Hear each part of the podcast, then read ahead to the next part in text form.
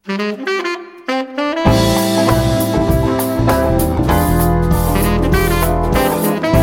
თვალი დაკავებული გაქვთ და საკითხავად არ გცალიათ, ან თუ ჩემსავით სათვალეს ვერ პოულობთ, ან და თუ უბრალოდ მოგენატრათ თვალების დახუჭვა და სხვების მიერ მოთხრობილი საინტერესო ამბებისთვის ყურის მიგდება, მაშინ ეს პოდკასტი თქვენთვისაა. გამარჯობა. თქვენ უსმენთ რადიო თავისუფლების პოდკასტს მოლაპარაკე ტექსტებს. მოლაპარაკე ტექსტებს. მე ბიძინა რამიშვილი გახლავართ. აქ მოქმედი პირები არიან ტექსტები, რომლებსაც რადიო თავისუფლების ვებსაიტზე ვარჩევ თქვენთვის კვირაში ერთხელ და მათ მოსათხრობ ამბებად ვაქცევ ხოლმე.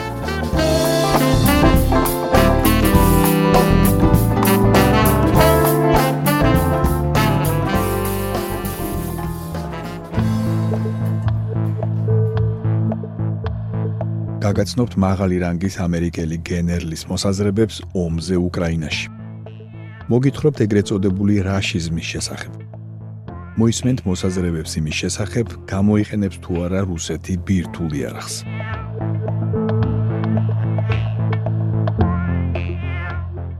მოისმინეთ ვალონა ტელას სტატია შეერთებული შტატების გენერალი პეტრეუსი ნატოს აღმოსავლეთ ევროპელმა წევრებმა უკრაინისთვის მეტი უნდა გააკეთონ.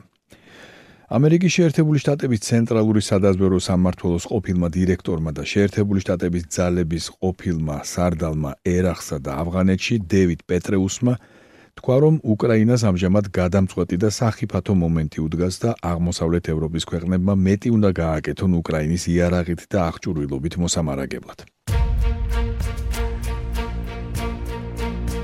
გადამდგარმა გენერალმა პეტრეუსმა რადიო თავისუფლების ბალკანეთის სამსახურთან საუბრისას თქვა, რომ უკრაინის ბედი დამოკიდებულია იმაზე, თუ ციტატა, რამდენად კარგად ვიმოქმედებთ ჩვენ.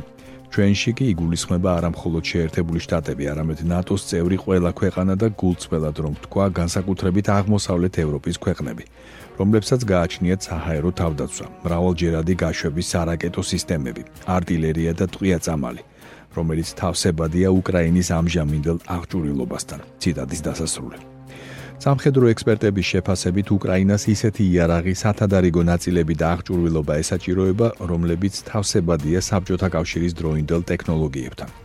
უკრაინელები იბრძვიან ძალიან ეფექტიანად, ძალიან გმირულად, უზარმაზარი გამჭრიახობით, შემოქმედებითად, სიმამაცითა და ეფექტიანობით და ჩვენ მათ ამაში უნდა დავეხმაროთ. თქვა პეტრეუსმა. აღმოსავლეთ ევროპის ქვეყნები თავდაცვის საკუთარ მარაგებს უნდა ქეკავდნენ და აწვდიდნენ უკრაინას ყველაფერს, რაც მათ შეიძლება გამოადგეთ. ციტატის დასასრული. გენერალი პეტრეუსი რადიო თავისუფლებასთან საუბრისას რუსეთის სამხედრო წარუმატებლობების მასშტაბებსაც შეეხო.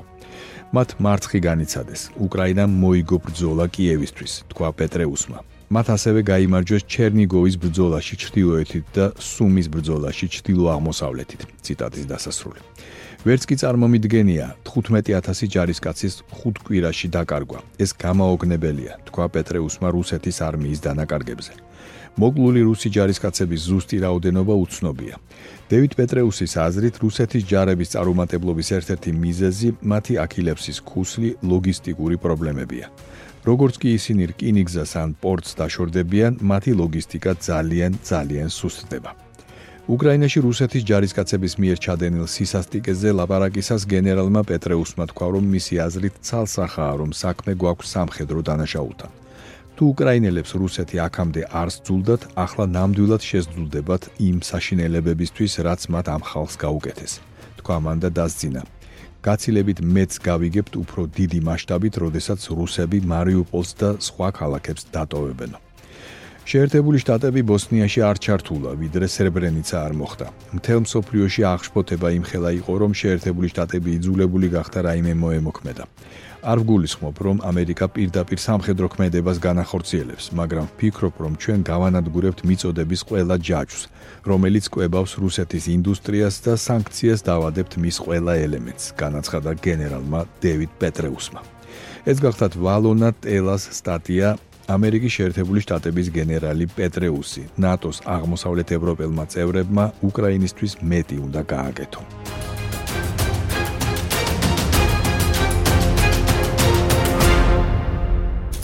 თქვენ უსმენთ პოდკასტს მოლაპარაკე ტექსტებს.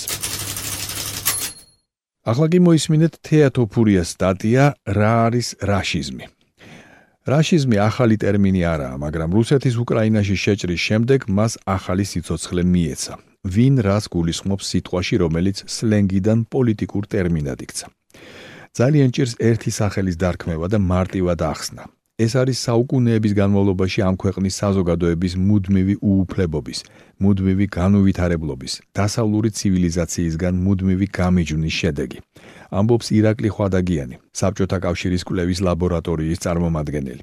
მისი თქმით, ამ ტერმინში ფაშიზმთან ერთად იგულისხმება ყველაფერი ის, რაც ასოცირდება რუსულ ისტორიულ იმპერიულ ხედვასთან, სლავოფილობასთან, საკუთარ განსაკუთრებულობასთან და მისიაზე აქცენტთან, საბჭოთა ტოტალიტარიზმთან, თავისი ჩაკეტილობითა და დასავლეთისადმი ზიზღით.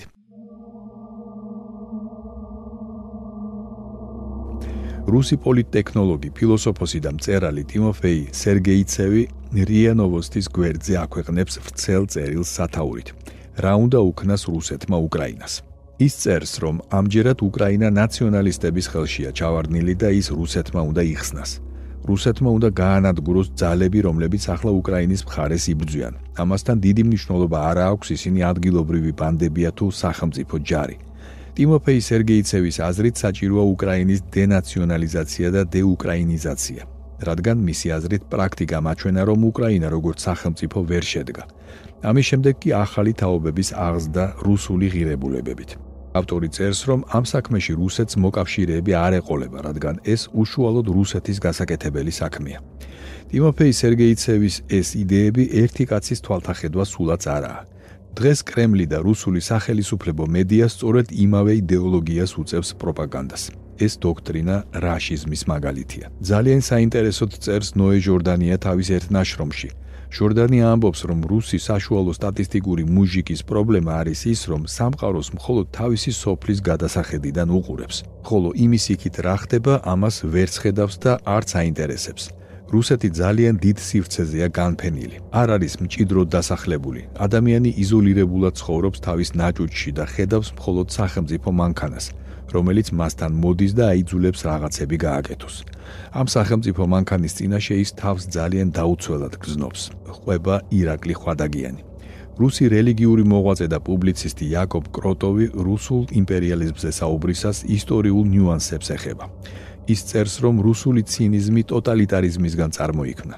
თავად ტოტალიტარიზმი კი საფუძველშივე ცინიზმი იყო, რადგან ლენინი ერთი წუთითაც კი არ აპირებდა პროლეტარიატის წარმომადგენლები მართლაც სახელმწიფო სათავეში მოეყვანა. სტალინი კი პოლიტიკაში არა მარქსიზმს, არამედ ძველ დერჟავულ წყობას ანიჭებდა უპირატესობას. სწორედ მის რესტავრირებას აკეთებდა. სტალინის შემდეგ გამეფდა ის, რასაც უძრაობის ხანაში ცინიზმ, პოფიგიზმს ეძახდნენ. კრემლის იმპერია კი ისევ აგრძელებდა ცალკე ხების დაპყრობას და ცალკე საკუთარის დამიწებას. ციტატის დასასრული. რა არის რაშიზმი დღეს, როდესაც რუსეთი უკრაინის ქალაქებს ბომბავს? პუბლიცისტი გალინა სიდოროვა რადიო თავისუფლების გვერდზე წერს, რომ რაშიზმი კაცობრიობის წინაშე დანაშაული და მეზობელი ქვეყნების განადგურების მცდელობაა. ყოვლის მომცველი ტყუილი, მაგალითად ისეთი, როგორიც საგარეო საქმეთა მინისტრ სერგეი ლავროვის სიტყვებია. ვგეგმავთ თუ არა სხვა ქვეყნებზე თავდასხმას? არ ვგეგმავთ. ჩვენ არც უკრაინას დავსხმევართ თავსო. რაშიზმი არის აბსურდის თეატრი, განსხვავებული აზრის, განსხვავებული კულტურის შეუწყნარებლობა. უაზრო ბრბოს შეკრება ლუჟნიკის სტადიონზე. ბრბოსი, რომელიც თავის ლიდერს შეძახილებით ხვდება. რაშიზმი არის, როდესაც ხალხი უკვე აღარ აზროვნებს. ციტატის დასასრული. თქვენ მოისმინეთ თეატოფურიას სტატია რა არის რაშიზმი.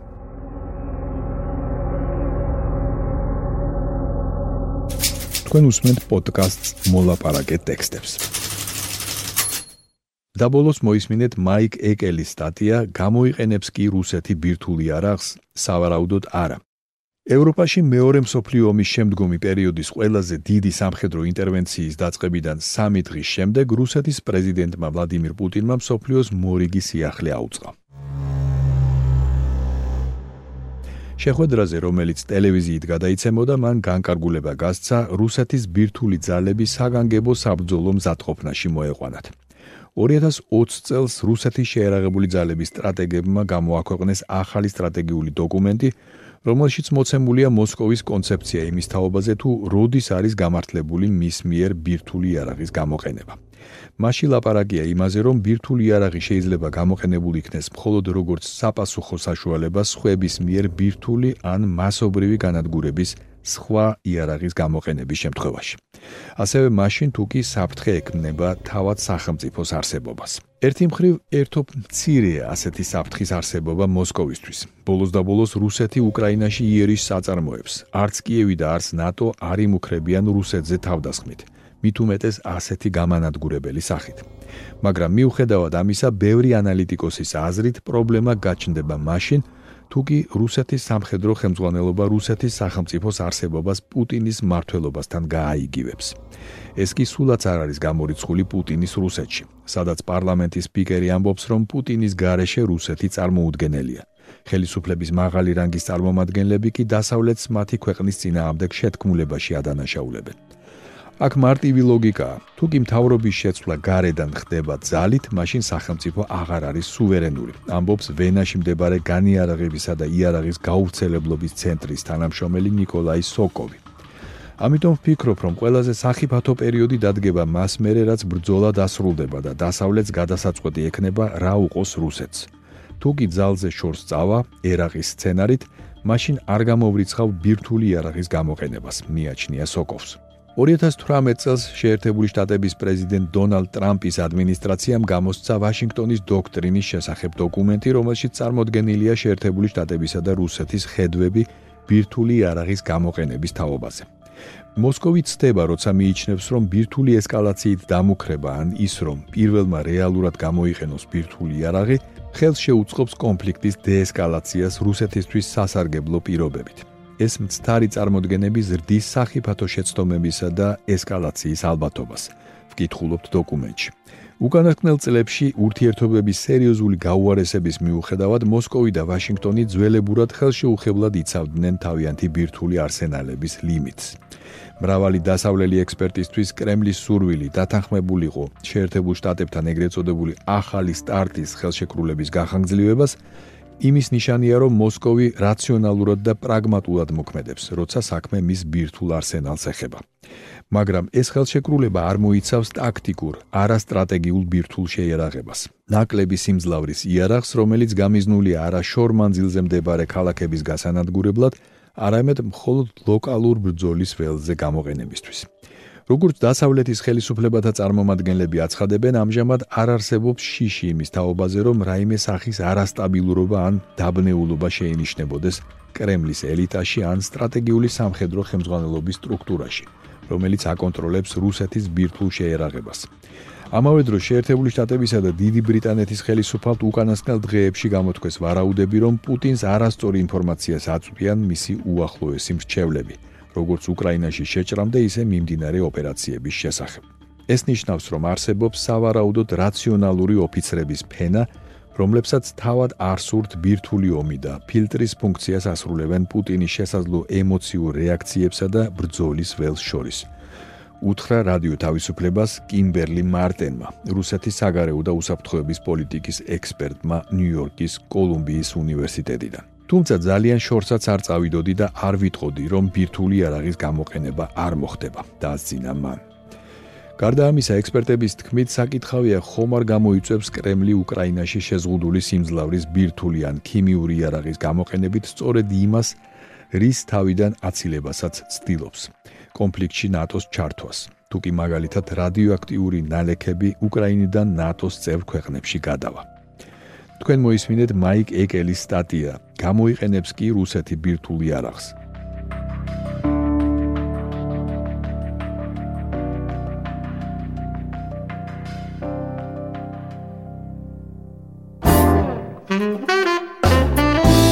თქვენ მოისმინეთ რადიო თავისუფლების პოდკასტი მოლაპარაკეთ ტექსტები. მე კვირაში ერთხელ ვარჩევ რადიო თავისუფლების ვებსაიტზე გამოქვეყნებულ ტექსტებს და მათ მოსათხრობამდე ვაქცევ ხოლმე. ჩვენი პოდკასტი შეგიძლიათ გამოიწეროთ, ჩამოტვირთოთ ან მოისმინოთ პირდაპირ რადიო თავისუფლების ვებსაიტზე. მისი მისამართია რადიო თავისუფლება.ge. თუ ჩემი მიერ მოთხრობილი ტექსტები სრული სახით დაგაინტერესებთ, მათი მოძებნა იულია. ვებსაიტზე პოდკასტის გვერდზე იპოვით ყოველ ცალკეულ პროგრამაში მოთხრობილი ტექსტების ბმულებს. მე ბიძინა რამიშვილი ვარ. მომავალ შეხვედრამდე.